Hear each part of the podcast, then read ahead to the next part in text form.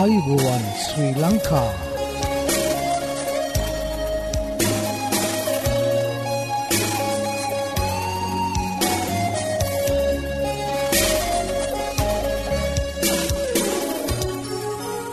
ඔබට සුපදස මේ Adventist world radio බලාපොරොත්වය හඬ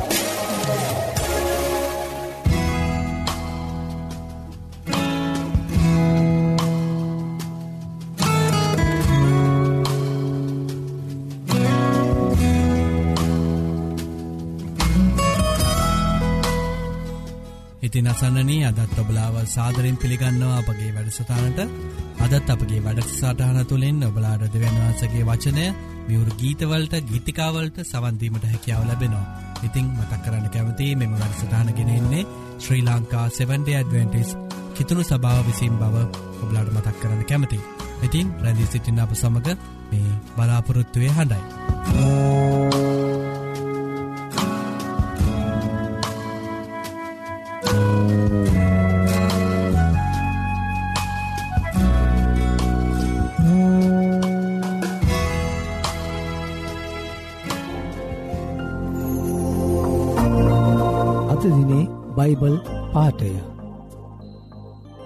අපේ බලාපොරොත්තුවේ ප්‍රකාශ කිරීම චංචල නොවන පිණිස එය තදින් අල්ලාගෙන සිටිමු.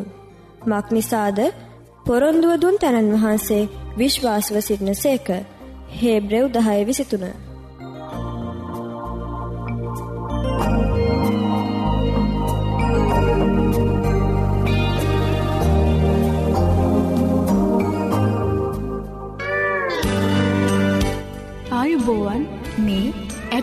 රේඩියෝ බලාපොරොත්තුවය හඬ. සත්‍යය ඔබ නිදස් කරන්නේ යසාය අටේ තිස්ස එක. මේ සත්‍ය සොයමින් ඔබ අද සිසිින්නේද. එසේ නම් ඔබට අපගේ සේවීම් පිදින නොමිලි බයිබල් පාඩම් මාලාවට අදම ඇතුල්වන්. මෙන්න අපගේ ලිපිනේ ඇඩවෙන්ටිස්වල් රේඩියෝ බලාපොරොත්තුවේ හඬ තැපැල් පෙටේ නමසේපා කොළඹ දුන්න.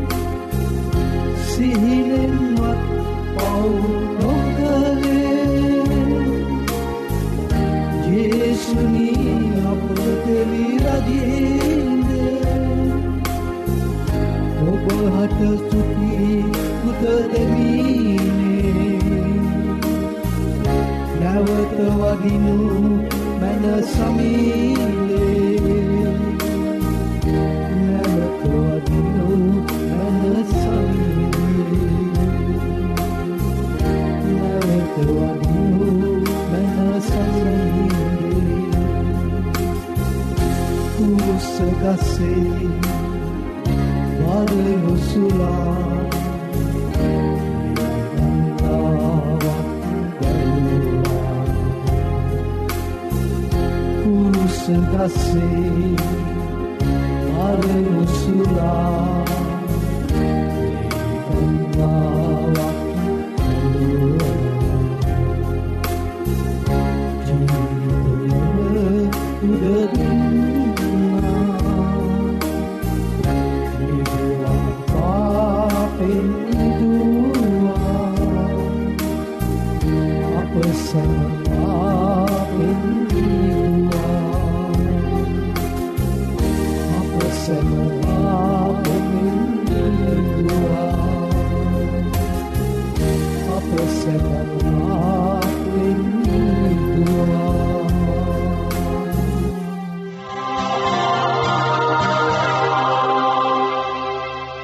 ඔබ මේ රැදි සිටින්නේ Sri Lanka Adventist world radio බලාපොරොත්තුවය හඬ සමඟයි.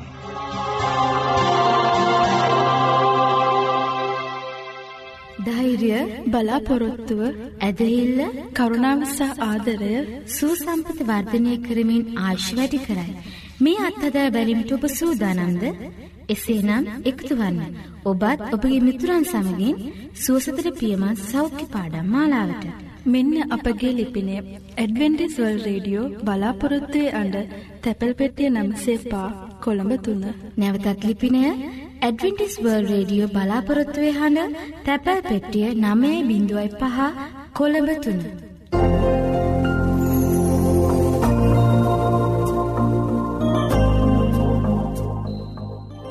ඉතින් හිතවත හිතවතිය දැන් ඔබට ආරාධනා කරනවා අපහා එකතුවෙන්න කියලා අද දවසේ ධර්ම දේශනාවට සවන් දෙන්න අද ඔබට ධර්ම දේශනාව ගෙනෙන්නේ හැරල් ෆිනෑන්ඩු දේවක දිතුමා විසින් ඉතින් එකතුවෙන්න මේ බලාපොරොත්තුවය හඬට.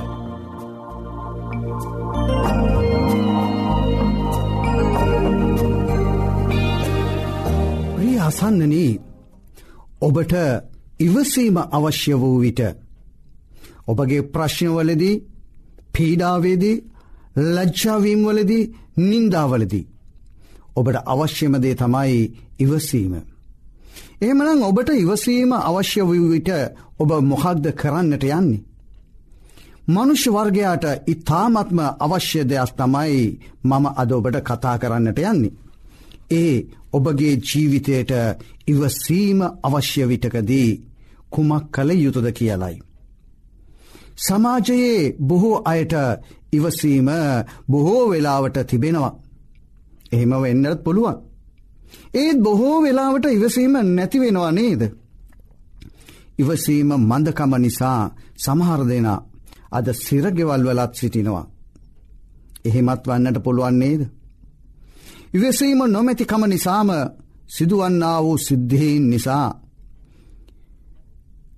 තමන්ගේ පවුල තුළින් රැකියාවෙන් සමාජයෙන් ඈත් වෙලා ජීවත් වෙනවා වෙන්නටත් පුළුවන් නේද. නමුත් මෙච්චර අත්‍යවශ්‍ය වූ ඉවසීම පිළිබඳව.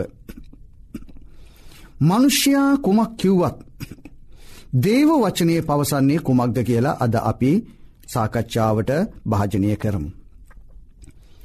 ගලාතිපොතේ පස්වනි පරිච්චේදේ විසි දෙවිනි පදය කියනවා. නොමුත් ආත්මයණන් වහන්සේගේ පල නම් ප්‍රේමය ප්‍රීතිය සමාධානය ඉවසිලිවන්තකම කරුණාව යහපත්කම විශ්වාසකම මුෘදුකම පමණ දැන ක්‍රියා කිරම යන මේවාය. බලන්න උන්වහන්සේ පෙන්නුම් කරනවා ශුද්ධාත්මයණන් වහන්සේ ඔබ තුළ මා තුළ සිටිනවා නම් අපි ප්‍රේමිය ප්‍රීතිය සමාධානය වගේම ජීවිතර අවශ්‍ය වන්නා වූ ඉවසිලිවන්තකමත් උන්වහන්සේ අපට ලබා දෙනවයි කියලා. ඒ තමයි ශුද්ධාත්මයණන් වහන්සේගේ පල. යෙසායා හතලිය තිස් එක කියනවා නමුත් ස්වාමින් වහන්සේ ගැන බලා සිටින්නෝ තමන්ගේ සවිය අලුත් කරගන්න ඕය කියලා. මේ ඉවසීම කියන එක අපි අල්ලුත් කරගන්නවා ස්වාමින් වහන්සේ දෙස බලා සිටියොත්. ස්වාමින් වහන්සේ තුළ ජීවත් වනොත් අපි අපගේ ඉවසීම වර්ධනය කරගන්නවා. එහෙමනම් ඒ අය රාජාලින්මෙන් පියම්බා නගිනවයි කියනොම ඉවසීම තුළ. ඔහු දුවනවා ඒත් වෙහෙසවන්නේ නැහැයි කියනවා ඒකල්ලන්ගේ ජීවිතය ගත කරනවා එහෙත් වෙහෙසවන්නේ නැහැ කියෙන ඇයි ඉවසීම ප්‍රගුණ කරලා තිබෙන නිසා. ඒ අයගේ ජීවිතය තුළ මොන ප්‍රශ්නයක් ආවත්. මොන නින්දාවක් ආවත් ඒ අය පැකිලෙන්නේ නෑ ඒ අය ක්ලාන්ත වෙන්නේ නෑ ඇයි ඉවස්සීම තුළ ගමන් කරන නිසා. ඒ අයගේ ජීවිතය තුළ ඉවසීම අත්දකින නිසා. ගීතාවලය විසිහතේ දාහතර කියනවා ස්වාමින් වහන්සේ කෙරෙහි බලා සිටුව ශක්තිමත් වෙව. තාගේ සිත දහිර්යමත් වේවා එසේය ස්වාමින් කෙරෙහි බලා සිටුව කියලා. මේ ඉවසීම සඳහා බලය ශක්තිය ජෙසුස් වහන්සේ එමනත දෙවියන් වහන්සේ ඔබට ලබා දෙනවා. ඔබ දෙවියන් වහන්සේ කෙරෙහි රැන්දී සිටින්න. දෙවියන් වහන්සේ කෙරෙහි බලාපොරොත්තුවෙන් විශ්වාසයෙන් සිටින්න. ඉවසීම උන්වහන්සේගෙන් ඉල්ලා සිටින්න. ඔබට ප්‍රශ්නයක් එන විට ස්වාමින් වහන්සේට කියන්න මට ඉවසීම ලබා දෙන්න කියලා. විලාපගේ තුනේ විසිහය කියනවා ස්වාමින් වහන්සේගෙන් වන ගැලවීම නිශ්චලව බලා සිටීම මනුෂ්‍යකොට හොඳයි කියලා. නිශ්චලව බලා සිටින්නට කියනවා උන්වහන්සේගෙන් ලැබෙන් අව ගැලවීම ලබා ගන්නට. මේ නිශ්චලව බලා සිටින්නට නම් බොහෝ ඉවසිලිවන්තකමක් අවශ්‍යයි. මේ ඉවසිලිවන්තකම දෙන්නේ ශුද්ධාත්මයාණන් වහන්සේයි.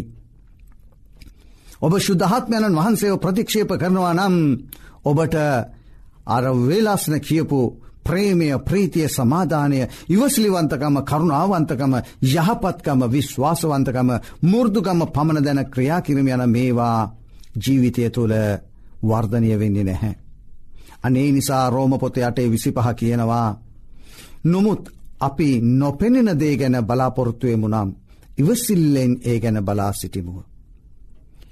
අද අපට ජේසුස් වහන්සේව අපගේ පියවී ඇසෙන් දකින්නට නෑ. උන්වහන්සේ ස්වර්ගට යන වෙලා විදිකිව මගේ ආත්මයා මම නොඹලාට දෙනවයි කියලා. මේ ශුද්ධාත්මයණන් වහන්සේ අපගේ පියවී ඇසින් දකින්නට නැහැ. දකින්නට බැහැ. නමුත් උන්වහන්සේ කියනවා ඉ නොපෙනෙන දේ ගැන බල්ලාපොරොත්තුවෙන් ඉවසිල්ලයෙන් සිටින්න කියලා.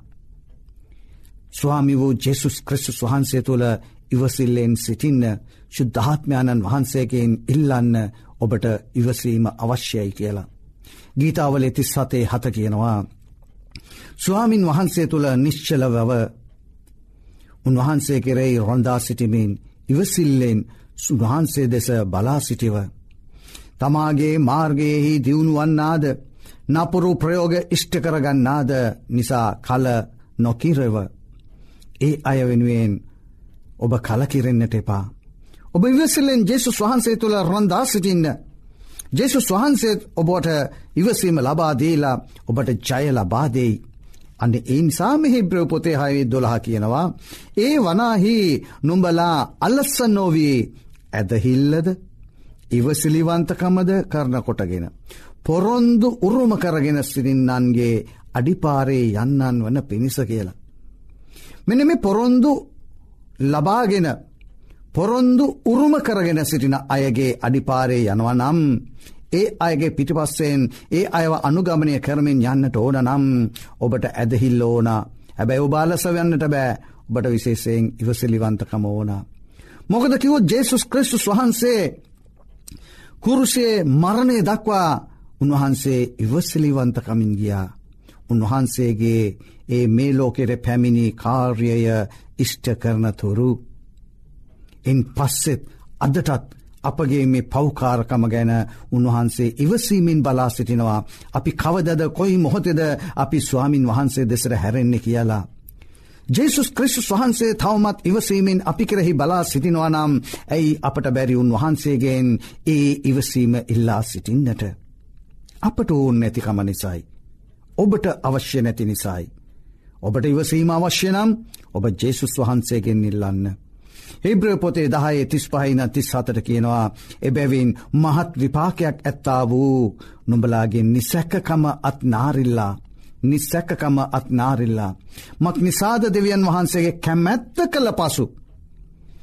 පොරොන්දුව ලබන පිණිස නුබලාට ඉවසිල්ල ඕනෑය. මක් නිසාද එන්නා වූ තැනන් වහන්සේ ප්‍රමාද නොවී තව ඉතා ස්වල්ප කාලයකින් එන සේක. ස්වාමි වූ ජෙසුස් ක්‍රිසිස් වහන්සේ පොරොන්දුවන ලෙසම ඉතාමත්ම ඉක්මනින්ම එන්නට යනවා. අද ලෝකය දෙස බලද්දී ඒ සලකුණු ඉෂ්ටවෙමින් පවතිනවා. එහෙමනම් ඇයි අපි තවත් ලතවෙවී මේ ලෞකික ලෝකය තුළ නට නටා ඉන්නේ අපි ජේසුස් වහන්සේ දෙස බලමු. උන්වහන්සේගේ කැමැත්ත අපි කරන්නට උත්සාහවන්තවේමු. උන්වහන්සේගේ කැමැත්ත තමයි පළමුුවෙන්ම දෙවියන් වහන්සේට ප්‍රේම කිරීම ඒ වගේම ඔබ අන් අයටත් ප්‍රේම කිරීම. මේ නිසා හෙබ්‍රය පොතේ කියනවා දොළහහි එක එබැවින් මෙ පමණ මහත් සාක්ෂිකාර සේනාවකින් අප වටව සිටින නිසා සියලු බරද පහසුවෙන් පහසුවෙන් අප අසුකරන පාපයද අහක දමා ඇදහිල්ලේ කර්තෘවරයාද සම්පූර්ණ කරන්න වූ ජේසුස් ක්‍රිසුස් වහන්සේ දෙසම බලමින් අප ඉදිරිහෙහි තබා තිබෙන දිවීම ඉවසිල්ලෙන් නොහොත් ස්තීරකමෙන් දුවමු කියලා දේශනාකාරයා පොතේ පෙන්නුම් කරනවා. යම් දෙයක් ආත්මය එහි පටන් ගැන්මට වඩා හොඳය. සමාවෙන්න යම් දෙක අන්තිමය එහි පටන් ගැන්මට වඩා හොඳය මක් නිසාද. උඩඟු අයට වඩා ඉවසිලිවන්තයා උතුම්ය කියලා. වගේම දේශනාකාරයා හතේ අට සහ නමිය කියනවා. කෝපවීමට නොබේ සිතෙන් ඉක්මන් නොවන්න. කෝපවන්නට නොබේ සිතෙන් ඉක්මන් නොවන්න මක් නිසාද කෝපය පවතින්නේ අඥ්ඥානයාගේ ලයෙහිය කියලා.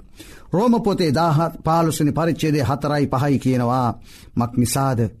ඉවසිල්ල කරන කොටගෙනද ලියවිලිවෙලින් හටගන්නා සැනසිල්ල කරන කොටගෙනද. අප බලාපොරොත්තුව ඇතිව සිටින පිණිස පූර්වයෙහි ලියනලද සියල්ල අපගේ ඉගෙන ගැනීම සඳහා ලියන ලද්දේය. නොඹලා එක සිතින්ද එක කටින්ද අපගේ ස්වාමි වූ ජේසුස් ක්‍රිස්තුස් වහන්සේගේ පිය වූ දෙවියන් වහන්සේට ගෞරුව කරන පිණිසයි එහෙම ඉවසිල්ලෙන් උන්වහන්ස දෙස බලා සිටින්ට කියන්නේ. ධවිත්තුමා මේ පිළිබඳව මොකක්ද කියන ගීතාවලී තිස් සතේ අටසාරාමය. තරහෙන් වැලකි උදහස අත්හරුව කල නොකිරෙව. එයින් හටගන්නේ නපුරු ක්‍රියා පමණක්මය. මක් නිසාද නපුරු ක්‍රියා කරන්නෝ සිින්දිනු ලබන්නෝය නොමුත් ස්වාමින් වහන්සේ කෙරෙහි බලා සිටින්නෝ දේශය උරුම කර ගන්නෝය. අපි ඉවසීමෙන් යුක්තව ස්වාමින් දෙස බලා සිටිමු. ගීතාවලිය කියනොයි වගේම හතලිය එක මම ඉවසිල්ලෙන් ස්වාමින් ගැන බලා සිටියමි කෞද මේ කියන්නේ ධවිත් රජතුමා කියනවා. එතුමා කියනවා මම ඉවසිල්ලෙන් ස්වාමින් ගැන බලා සිටියමි උන්වහන්සේ කන්යොමා මාගේ මොර ගැසීම ඇසූ සේක එහෙමනං ඔබ ජෙස් වහන්සේගෙන් ඉල්ලන්න ඉවසීම ලබා දෙන්න කියලා රෝම පොතේ පහේ තුනඉන්නම් පහට මෙහෙම කියනවා. එපමණකුත් නොව පීඩාවිඳීමෙන් ඉවසිල්ලද ඉවසිල්ලෙන් සහතිකකමද සහතිකකමෙන් බලාපොරොත්තුවද උපදින බව දැන. අප විනින පීඩාවලදී ප්‍රීතිමත් වෙමු. බලාපොරොත්තුව ලජ්ජාවට නොපමණු වන්නේය මක් නිසාද අපට දෙන ලද ශුද්ධාත්මයාණන් වහන්සේ කරනකොටගෙන දෙවියන් වහන්සේගේ ප්‍රේමය අපගේ හර්දවල වගුරවන ලද්දේය. දෙවියන් වහන්සේගේ ප්‍රේමය අපගේ සිත්වලට වගුරුවන්නේ ශුද්ධාත්මයණන් වහන්සේ තුළෙනුයි. ඒ නිසා අපි ශුද්ධාත්මයණන් වහන්සේගෙන් ඉල්ලා සිරිම අපට ඉවසීම ලබා දෙන්න කියලා. ඒවගේම යාකෝප්පොතේ පළමිනි පරිච්චේදේ තුනසහ හතර කියනවා. අනේකාකාර පරීක්ෂාවලට වැටෙන කල ඒ සියල්ල ප්‍රීතියෙන් යයි සිතාපල්ලා. නොමුත් නුඹලා කිසිවකෙන් අඩුව නොසිට සියලු ආකාරයෙන්ම සම්පූර්ණව සිටින පිණිස. ක්ෂාන්ති ගුණය සම්පූර්ණ ලෙස ක්‍රියා කෙරේවා. යාකුප පොතේ පස්වනි පරිච්චේදය හත සහ අට කියනවා. එබැවින් සහෝදරේනි. ස්වාමින් වහන්සේගේ ඊම දක්වා ඉවසපල්ලා. බලව ප්‍රථම සහ අන්තිම වර්ෂාව පැමිණෙනතුරු ඉවසමින් ගොවයා පොළොවේ අනර්ග පල ගැන බලා සිටි. නුඹලත් ඉවසීමෙන් සිටපල්ලා. නුබලත් ඉවසිල්ලෙන් සිටපල්ලා. ස්වාමින් වහන්සේගේීම ලංව තිබෙන බැවින් නුඹලාගේ සිත් ස්ථීර කර ගනිල්ලා අනේ නිසා මය ප්‍රියාසන්නනී. ස්වාමින් වහන්සේගේ පැමිණීමි තාමත්ම ලංව සිටින බැවින් ඔබගේ සිත් ඔබගේ චාරිත ඔබගේ ජීවිතය. ස්වාමි වූ ජෙසුස් ක්‍රිස්ුස් වහන්සේට භාරදීලා. උන්වහන්සේ වැගුරාවේ ශුද්ධහාත්මැණන් වහන්සේ තුළ ඉවසීමෙන් යුක්තව සිටින්නට. ඒ ශුද්ධහාත්ම පල ධර්මින් ජීවිතය ගත කරන්නට ශුද්ධහත්ම බලඉල්ලා අපි ආඥා කරමු. ස්වර්ග වැඩසින අපගේ දෙවිපාණනී ඔබහන්සේ නමස්කාර කරමින් ඔබහන්සේ දුන්නා වූ ජේසුස් වහන්සේෙන් සත් ස්තුතිවන්තවෙමින්. ජේසුස් වහන්ස ඔබහන්සගේ කුරුසියේ ඒ ප්‍රේමී යාගේ නිසා ස්තුතිවන්තවෙමින්. ඔබහන්සේ අපි තනි නොකර අපට දුන්නාව ඒ ශුද්ධහත්මයණන් වහන්සේ නිසා ශුද්ධහත්ම බලය නිසා ඔබහන්සේට ස්තුතිවන්ත වෙනවා. අපගේ ජීවිතයට ඔබහන්සේගේ පැමිණීම කෙරෙහි බලාපොරොත්තුවෙන් සිටින්නට ඔබහන්සේ පැමිණින තුරු අපට ජීවත් වන්නට අපට ඉවසීම අවශ්‍යව තිබෙනවා. අපට ඉවසීම ලබා දෙන්න ශුද්ධාත්මයානනී. ඔබහන්සේ අප ජෙසුස් වහන්සේත් සමඟ සම්බන්ධ කරන්න. එවිට උන්වහන්සේගේ ගැලවීමේ ප්‍රීතිය තුළ අපට ඉවසීමෙන් ජෙසුස් වහන්සේ පැමිණෙන තුරු ඒ බලාපොරොත්තු ඇතුව ජීවත්වන්නට පුළුවන්. මේ බලාපොරොත්තුව මේ අසාගෙන සිටනාව සෑම කෙනෙකුටම ලැබෙන්න්නට සලස්වන්න ඔබහන්සේ ඔවුන්ගේ සිත්වලට කතා කරන්න. ජෙසුස් වහන්සේගෙනාමිනිල්ලා සිටිමේ ආමේෙන්. සත්‍යය ඔබ නිදස් කරන්නේ යසාය අටේ තිස්ස එක. මේ සත්‍ය සොයමින් ඔබ අද සිටින්නේද. එසේ නම් ඔබට අපගේ සේවීම් පිදින නොමලි බයිබල් පාඩම් මාලාවට අදම ඇතුල්වන්. මෙන්න අපගේ ලිපිනය ඇඩවෙන්ටිස්වල් රේඩියෝ බලාපොරත්තුවේ හඬ තැපැල් පෙටිය නමසේපා කොළඹ දුන්න. ආයුබෝවන් මේ ඇඩ්වෙන්ටිස් වර්ල් රේඩියෝ බලාපොරොත්තුවේ හඬ